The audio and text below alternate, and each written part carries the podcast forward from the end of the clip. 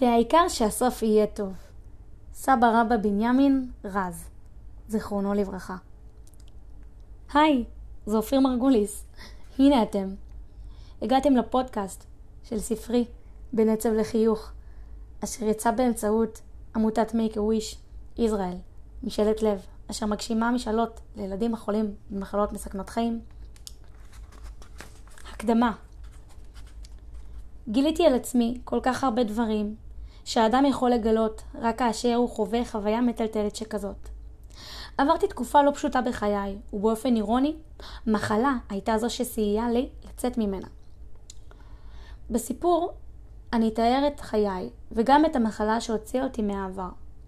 היה לי קשה להיות ילדה שכולם מציקים לה, שרגישה לכל דבר.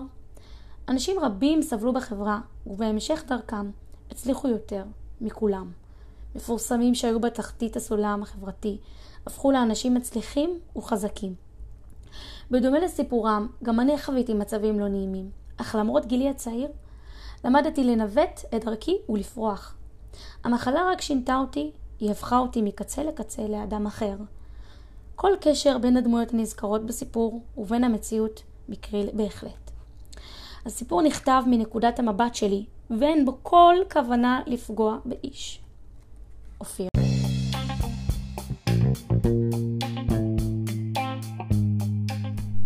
את ספרי הקדשתי באהבה רבה לדודתי האהובה והיקרה, שהייתה לי למודל לחיקוי במהלך הטיפולים, ועד היום היא המודל שלי לחיקוי.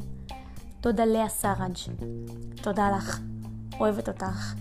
מקווה שאת מאזינה לזה ויודעת את זה, שאני אוהבת אותך ואת יקרה לי. תשמרי על עצמך. אוהבת.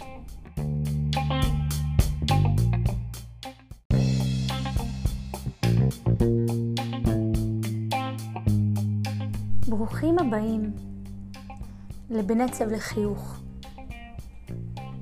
הספר של אופיר מרגוליס, המוקלט.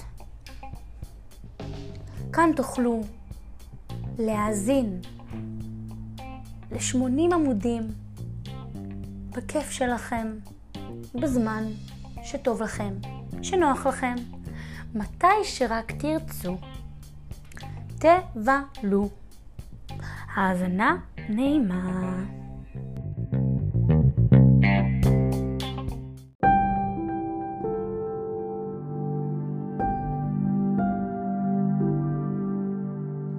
פרק ראשון בכל פחד יש פתרון. הכל כמו פרח. בגינה אחת, במקום יחיד ומיוחד, צומח לו פרח לאט לאט. במקום יחיד ומיוחד הוא כמו אורח. מדוע אתה שונה מאיתנו? ולמה העלים שלך אינם גדלים? מדוע אינך מדבר? ולמה אתה שותק? למה אינך מסוגל להיות כמונו? ומה עוצר בעדך? הפרח לא במראה פורח. אולי לוקח לו קצת זמן לגדול. ברגע שהוא יפרח, אתם תשמעו שהוא יצרח מרוב אושר. הוא יבין שהוא הפרח. נולדתי בארצות הברית. למרות שאיני זוכרת כלום, תמיד יש לי אפשרות לצפות בקלטות ישנות מהתקופה ההיא ולנסות לקלוט שבאמת גרנו שם. בגיל שנתיים עליתי לארץ עם הוריי. הלכתי לגן ואחר כך לכיתה א'. בכיתה ב' הכל השתנה, מטובה לרעה. כשערבבו את הכיתות ראיתי ילדה בשם סלין, שהיא גם, כמוני, לא נולדה בארץ, יושבת לה במקומה. דיברנו הרבה והתחברנו, ואז הזמנתי אותה אליי הביתה. נהנינו מאוד אצלי. התחברנו. אך, יום למחרת, הכל התחיל. סלין שכחה ממני והתחברה עם ילדה מקובלת בשם לוסי. גם אני התחברתי עם ילדה חמודה, שלא נראתה טוב בעיני אחרים, ולכן הייתה לא מקובלת. אבל אני, בכל זאת, התחברתי אליה. היא הייתה חברתי האמיתית והיחידה. קראו לה אליס, ואני לעולם לא אשכח אותה. בכיתה היו בנות נוספות שלא אשכח לעולם. יום אחד שתי בנות התחילו לצחוק ממני על כך שאני מכוערת, וכשרציתי לשחק איתן באחד המשחקים שכולן שיחקו בהם, אחת מהן הרביצה לי ולא הסכימה שאשתתף. היו לי סימנים בידיים, אני זוכרת אותם. אני גם זוכרת שהן העיפו אותי מהכיתה עם התיק שלי, וקראו לאחד הילדים מהכיתה שהרביץ לי. כל יום בכיתי בגלל מישהו אחר שפגע בי. והשנים ההן בבית הספר עם הילדים ההם היו איומות. בעולם הזה, לחן רועי עופר. בעולם הזה חוויתי חוויות, קשות ומשונות, אך מה שלא יקרה, לא ישתנה. בעולם כזה ישנן בי מחשבות קשות ומשונות, משם הן באות.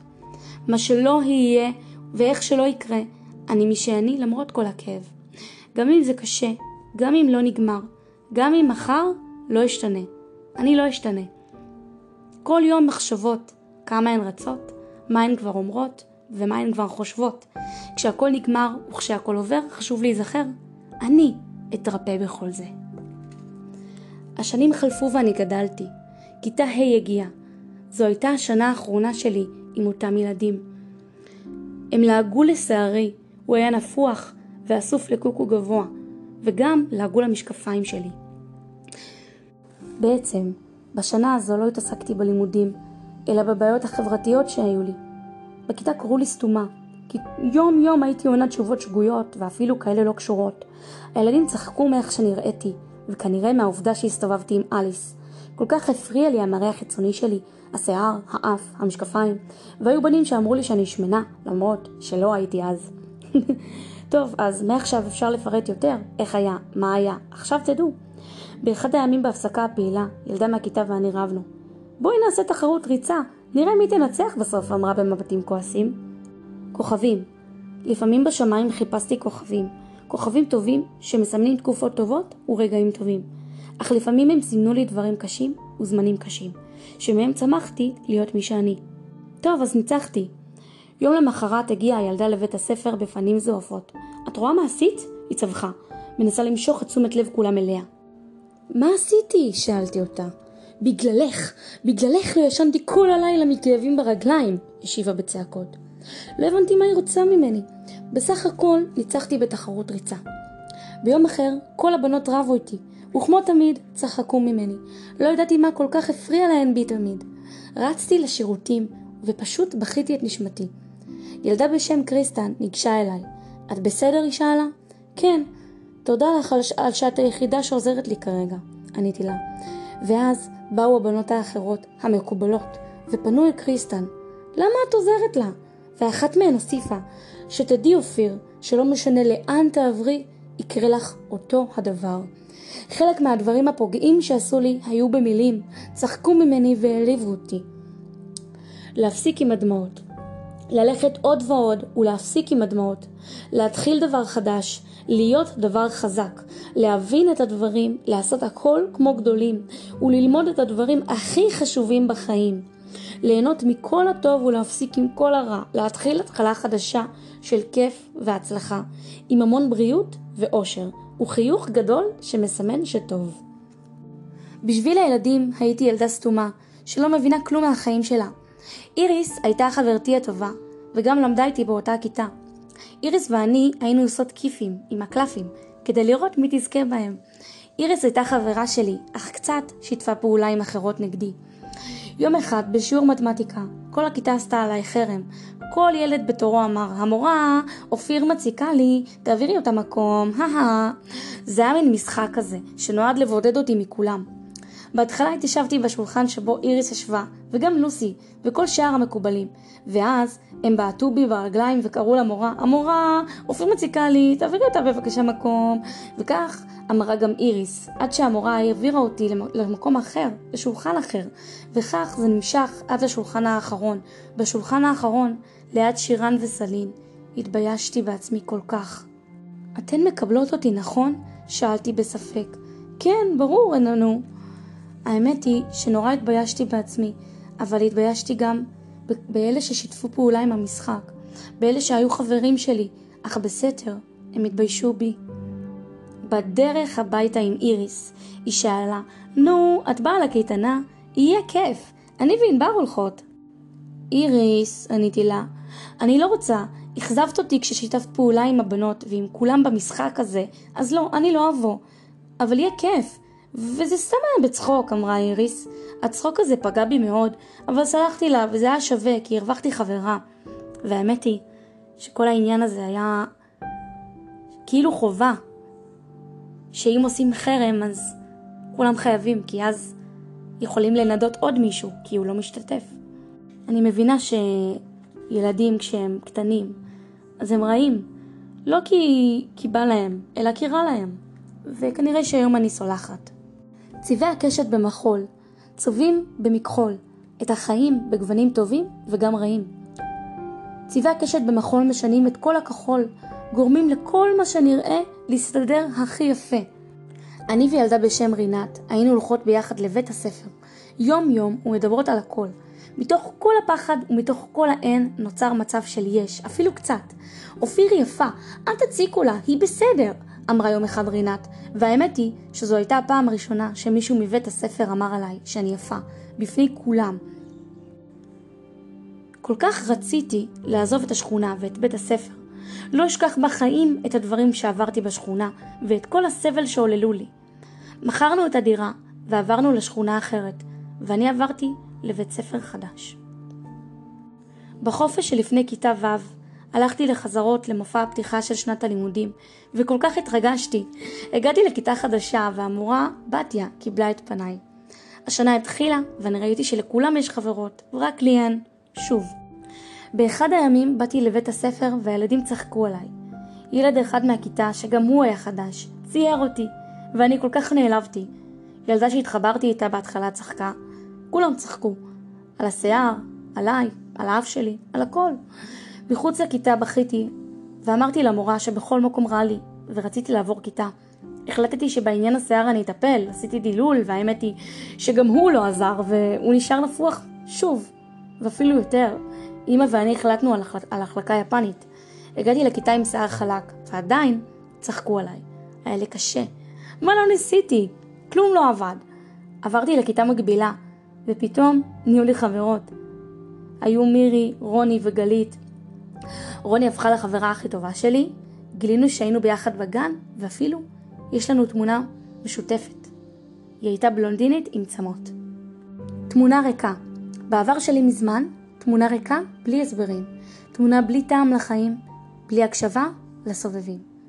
בעבר שלי מזמן יש זיכרונות שמורים בפנים שלא יוצאים לעולם, מתחבאים שם בפינה, וזה מאוד קשה.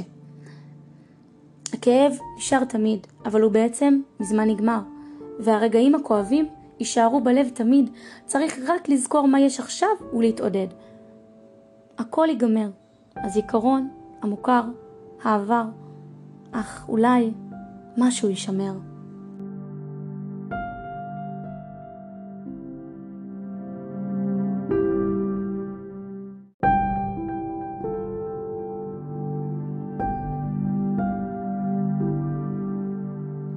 פרק ראשון בכל פחד יש פתרון. הכל כמו פרח. בגינה אחת, במקום יחיד ומיוחד, צומח לו פרח לאט לאט. במקום יחיד ומיוחד הוא כמו אורח. מדוע אתה שונה מאיתנו? ולמה העלים שלך אינם גדלים? מדוע אינך מדבר? ולמה אתה שותק? למה אינך מסוגל להיות כמונו? ומה עוצר בעדך? הפרח לא במראה פורח. אולי לוקח לו קצת זמן לגדול. ברגע שהוא יפרח, אתם תשמעו שהוא יצרח מרוב אושר. הוא יבין שהוא הפרח. נולדתי בארצות הברית. למרות שאיני זוכרת כלום, תמיד יש לי אפשרות לצפות בקלטות ישנות מהתקופה ההיא, ולנסות לקלוט שבאמת גרנו שם. בגיל שנתיים עליתי לארץ עם הוריי. הלכתי לגן ואחר כך לכיתה א'. בכיתה ב' הכל השתנה, מטובה לרעה. כשערבבו את הכיתות ראיתי ילדה בשם סלין, שהיא גם, כמוני, לא נולדה בארץ, יושבת לה במקומה. דיברנו הרבה והתחברנו, ואז הזמנתי אותה אליי הביתה. נהנינו מאוד אצלי. התחברנו. אך, יום למחרת, הכל התחיל. סלין שכחה ממני והתחברה עם ילדה מקובלת בשם לוסי. גם אני התחברתי עם ילדה חמודה, שלא נראתה טוב בעיני אחרים, ולכן הייתה לא מקובלת. אבל אני בכל זאת התחברתי אליה. היא הייתה חברתי האמיתית והיחידה. קראו לה אליס, ואני לעולם לא אשכח אותה. בכיתה היו בנות נוספות שלא אשכח לעולם. יום אחד שתי בנות התחילו לצחוק ממני על כך שאני מכוערת, וכשרציתי לשחק איתן באחד המשחקים שכולן צחקו בהם, אחת מהן הרביצה לי ולא הסכימה שאשתתף. היו לי סימנים בידיים, אני זוכרת אותם. אני גם זוכרת שהן העיפו אותי מהכיתה עם התיק שלי, וקראו לאחד הילדים מהכיתה שהרביץ לי. כל יום בכיתי בגלל מישהו אחר שפגע בי. והשנים ההן בבית הספר, עם הילדים ההם, היו איומות. בעולם הזה, לחן רועי עופר. בעולם הזה חוויתי חוויות, קשות ומשונות, אך מה שלא יקרה, לא ישתנה. בעולם כזה ישנן בי מחשבות קשות ומשונות, משם הן באות. מה שלא יהיה ואיך שלא יקרה, אני מי שאני למרות כל הכאב. גם אם זה קשה, גם אם לא נגמר, גם אם מחר לא ישתנה. אני לא אשתנה. כל יום מחשבות, כמה הן רצות, מה הן כבר אומרות ומה הן כבר חושבות. כשהכל נגמר וכשהכל עובר, חשוב להיזכר, אני אתרפא בכל זה. השנים חלפו ואני גדלתי. כיתה ה' הגיעה. זו הייתה השנה האחרונה שלי עם אותם ילדים. הם לעגו לשערי, הוא היה נפוח ואסוף לקוקו גבוה, וגם לעגו למשקפיים שלי. בעצם, בשנה הזו לא התעסקתי בלימודים, אלא בבעיות החברתיות שהיו לי. בכיתה קראו לי סתומה, כי יום יום הייתי עונה תשובות שגויות, ואפילו כאלה לא קשורות. הילדים צחקו מאיך שנראיתי, וכנראה מהעובדה שהסתובבתי עם אליס. כל כך הפריע לי המראה החיצוני שלי, השיער, האף, המשקפיים, והיו בנים שאמרו לי שאני שמנה, למרות שלא הייתי אז. טוב, אז מעכשיו אפשר לפרט יותר איך היה, מה היה, עכשיו תדעו. באחד הימים בהפסקה הפעילה, ילדה מהכיתה ואני רבנו. בואי נעשה תחרות ריצה, נראה מי תנצח בסוף, אמרה במבטים כועסים. כוכבים. לפעמים בשמיים חיפשתי כוכבים. כוכבים טובים שמסמנים תקופות טובות ורגעים טובים. אך לפעמים הם סימנו לי דברים קשים וזמנים קשים, שמהם צמחתי להיות מי שאני. טוב, אז ניצחתי. יום למחרת הגיעה הילדה לבית הספר בפנים זועפות. את רואה מה עשית? היא צווחה, מנסה למשוך את תשומת לב כולם אליה. מה עשיתי? שאלתי אותה. בגללך, בגללך לא ישנתי כל הלילה מכאבים ברגליים, השיבה בצעקות. לא הבנתי מה היא רוצה ממני. בסך הכל ניצחתי בתחרות ריצה. ביום אחר כל הבנות רבו איתי, וכמו תמיד צחקו ממני. לא ידעתי מה כל כך הפריע להן בי תמיד. רצתי לשירותים ופשוט בכיתי את נשמתי. ילדה בשם קריסטן ניגשה אליי. את בסדר? היא שאלה. כן. תודה לך על, על שאת היחידה שעוזרת לי כרגע, עניתי לה. ואז באו הבנות האחרות, המקובלות, ופנו אל קריסטן. למה את עוזרת לה? ואחת מהן הוסיפה, שתדעי אופיר, שלא משנה לאן תעברי, יקרה לך אותו הדבר. חלק מהדברים הפוגעים שעשו לי היו במילים, צחקו ממני והעליבו אותי. להפסיק עם הדמעות. ללכת עוד ועוד ולהפסיק עם הדמעות. להתחיל דבר חדש, להיות דבר חזק, להבין את הדברים, לעשות הכל כמו גדולים, וללמוד את הדברים הכי חשובים בחיים. ליהנות מכל הטוב ולהפסיק עם כל הרע, להתחיל התחלה חדשה של כיף והצלחה, עם המון בריאות ואושר, וחיוך גדול שמסמן שטוב. בשביל הילדים הייתי ילדה סתומה, שלא מבינה כלום מהחיים שלה. איריס הייתה חברתי הטובה, וגם למדה איתי באותה כיתה. איריס ואני היינו עושות כיפים עם הקלפים, כדי לראות מי תזכה בהם. איריס הייתה חברה שלי, אך קצת שיתפה פעולה עם אחרות נגדי. יום אחד, בשיעור מתמטיקה, כל הכיתה עשתה עליי חרם. כל ילד בתורו אמר, המורה, אופיר מציקה לי, תעבירי אותה מקום, הא זה היה מין משחק כזה, שנועד לבודד אותי מכולם. בהתחלה התיישבתי בשולחן שבו איריס ישבה, וגם לוסי, וכל שאר המקובלים. ואז הם בעטו בי ברגליים וקראו למורה, המורה, אופיר מציקה לי, תעבירי אותה בבקשה מקום. וכך אמרה גם איריס, עד שהמורה העבירה אותי למקום אחר, לשולחן אחר. וכך זה נמשך עד לשולחן האחרון. בשולחן האחרון, ליד שירן וסלין, התביישתי בעצמי כל כך. אתן מקבלות אותי, נכון? שאלתי בספק. כן, ברור, עננו. האמת היא שנורא התביישתי בעצמי, אבל התביישתי גם באלה ששיתפו פעולה עם המשחק, באלה שהיו חברים שלי, אך בסתר הם התביישו בי. בדרך הביתה עם איריס, היא שאלה, נו, את באה לקייטנה? יהיה כיף, אני וענבר הולכות. איריס, עניתי לה, אני לא רוצה, אכזבת אותי כששיתפת פעולה עם הבנות ועם כולם במשחק הזה, אז לא, אני לא אבוא. אבל יהיה כיף, וזה סתם היה בצחוק, אמרה איריס. הצחוק הזה פגע בי מאוד, אבל סלחתי לה, וזה היה שווה, כי הרווחתי חברה. והאמת היא שכל העניין הזה היה כאילו חובה, שאם עושים חרם אז כולם חייבים, כי אז יכולים לנדות עוד מישהו, כי הוא לא משתתף. אני מבינה שילדים כשהם קטנים, אז הם רעים, לא כי, כי בא להם, אלא כי רע להם. וכנראה שהיום אני סולחת. צבעי הקשת במחול, צובעים במכחול, את החיים בגוונים טובים וגם רעים. צבעי הקשת במחול משנים את כל הכחול, גורמים לכל מה שנראה להסתדר הכי יפה.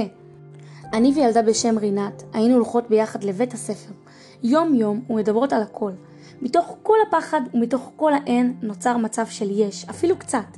אופיר יפה, אל תציקו לה, היא בסדר, אמרה יום אחד רינת, והאמת היא שזו הייתה הפעם הראשונה שמישהו מבית הספר אמר עליי שאני יפה, בפני כולם. כל כך רציתי לעזוב את השכונה ואת בית הספר. לא אשכח בחיים את הדברים שעברתי בשכונה ואת כל הסבל שעוללו לי. מכרנו את הדירה ועברנו לשכונה אחרת, ואני עברתי לבית ספר חדש. בחופש שלפני כיתה ו' הלכתי לחזרות למופע הפתיחה של שנת הלימודים, וכל כך התרגשתי. הגעתי לכיתה חדשה, והמורה, בתיה, קיבלה את פניי. השנה התחילה, ואני ראיתי שלכולם יש חברות, ורק לי אין. שוב. באחד הימים באתי לבית הספר, והילדים צחקו עליי. ילד אחד מהכיתה, שגם הוא היה חדש, צייר אותי, ואני כל כך נעלבתי. ילדה שהתחברתי איתה בהתחלה צחקה, כולם צחקו. על השיער, עליי, על האף שלי, על הכל. מחוץ לכיתה בכיתי, ואמרתי למורה שבכל מקום רע לי, ורציתי לעבור כיתה. החלטתי שבעניין השיער אני אטפל, עשיתי דילול, והאמת היא שגם הוא לא עזר, והוא נשאר נפוח שוב, ואפילו יותר. אמא ואני החלטנו על, החל... על החלקה יפנית. הגעתי לכיתה עם שיער חלק, ועדיין צחקו עליי. היה לי קשה. מה לא ניסיתי? כלום לא עבד. עברתי לכיתה מקבילה, ופתאום נהיו לי חברות. היו מירי, רוני וגלית. רוני הפכה לחברה הכי טובה שלי, גילינו שהיינו ביחד בגן, ואפילו יש לנו תמונה משותפת. היא הייתה בלונדינית עם צמות. תמונה ריקה. בעבר שלי מזמן, תמונה ריקה בלי הסברים. תמונה בלי טעם לחיים, בלי הקשבה לסובבים. בעבר שלי מזמן יש זיכרונות שמורים בפנים שלא יוצאים לעולם, מתחבאים שם בפינה, וזה מאוד קשה. הכאב נשאר תמיד, אבל הוא בעצם מזמן נגמר, והרגעים הכואבים יישארו בלב תמיד, צריך רק לזכור מה יש עכשיו ולהתעודד. הכל ייגמר, הזיכרון, המוכר, העבר, אך אולי משהו יישמר.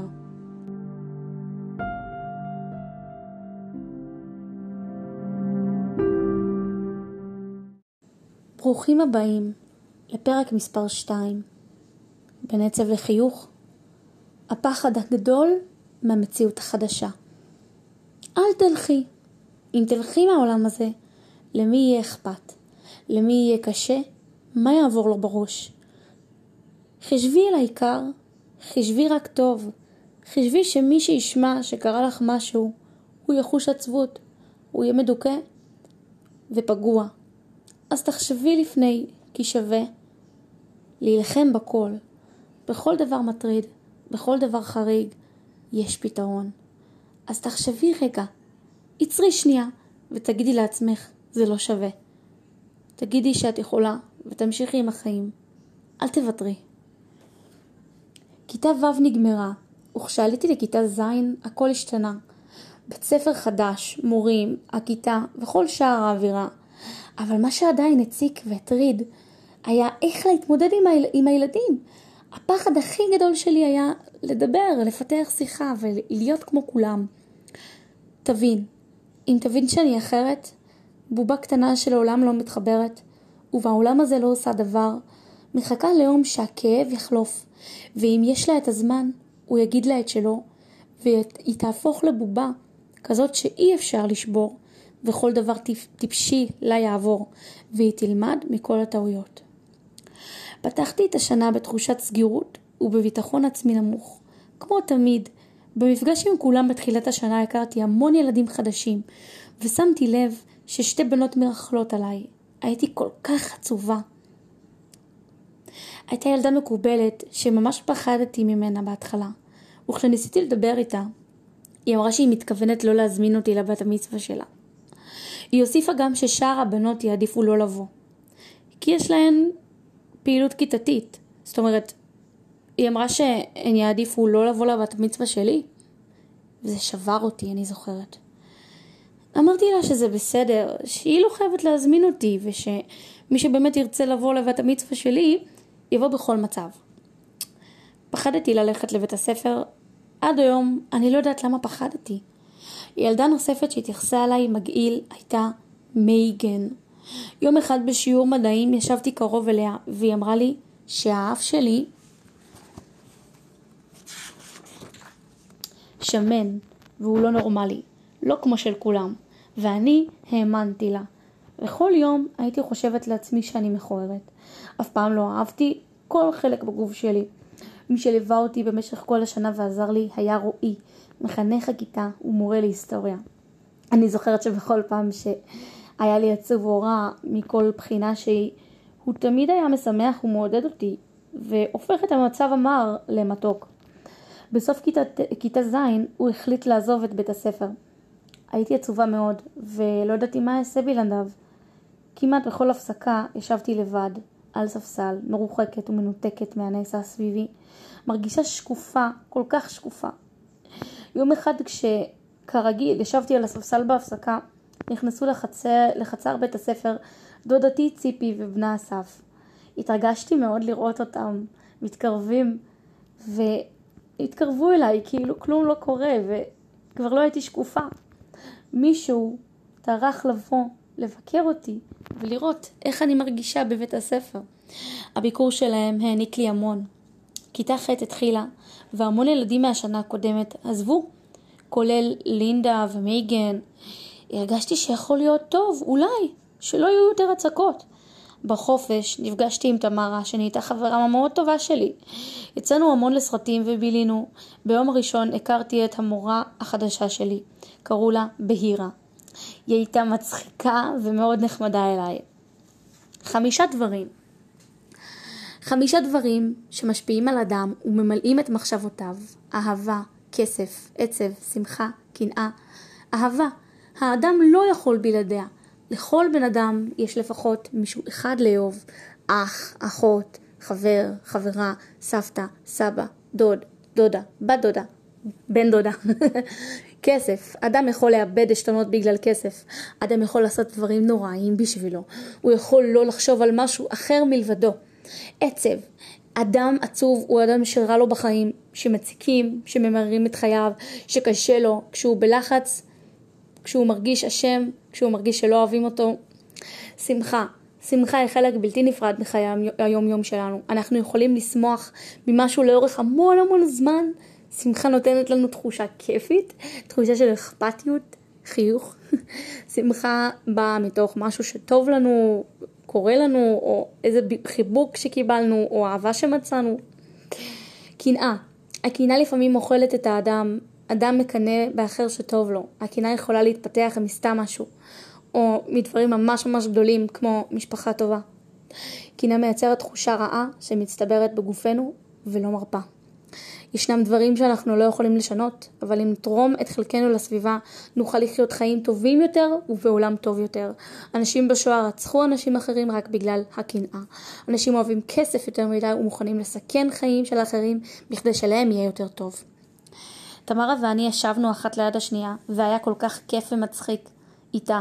היו לנו המון המון מריבות, ובסופו של דבר תמיד השלמנו. עד הפעם האחרונה, הריב האחרון שלנו, שהיה כל כך עצוב.